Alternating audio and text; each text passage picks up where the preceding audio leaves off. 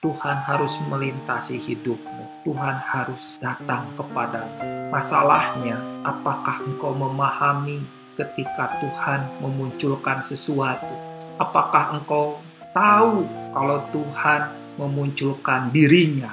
Apakah engkau tahu kalau Dia muncul di saat-saat engkau sedih, di saat-saat engkau tak berdaya, di saat-saat engkau tergeletak, di saat-saat engkau putus asa, di saat-saat engkau menangis bahkan beraung-raung, di saat-saat engkau berkata dengan penuh penyesalan kepada Tuhan, Tuhan hadir.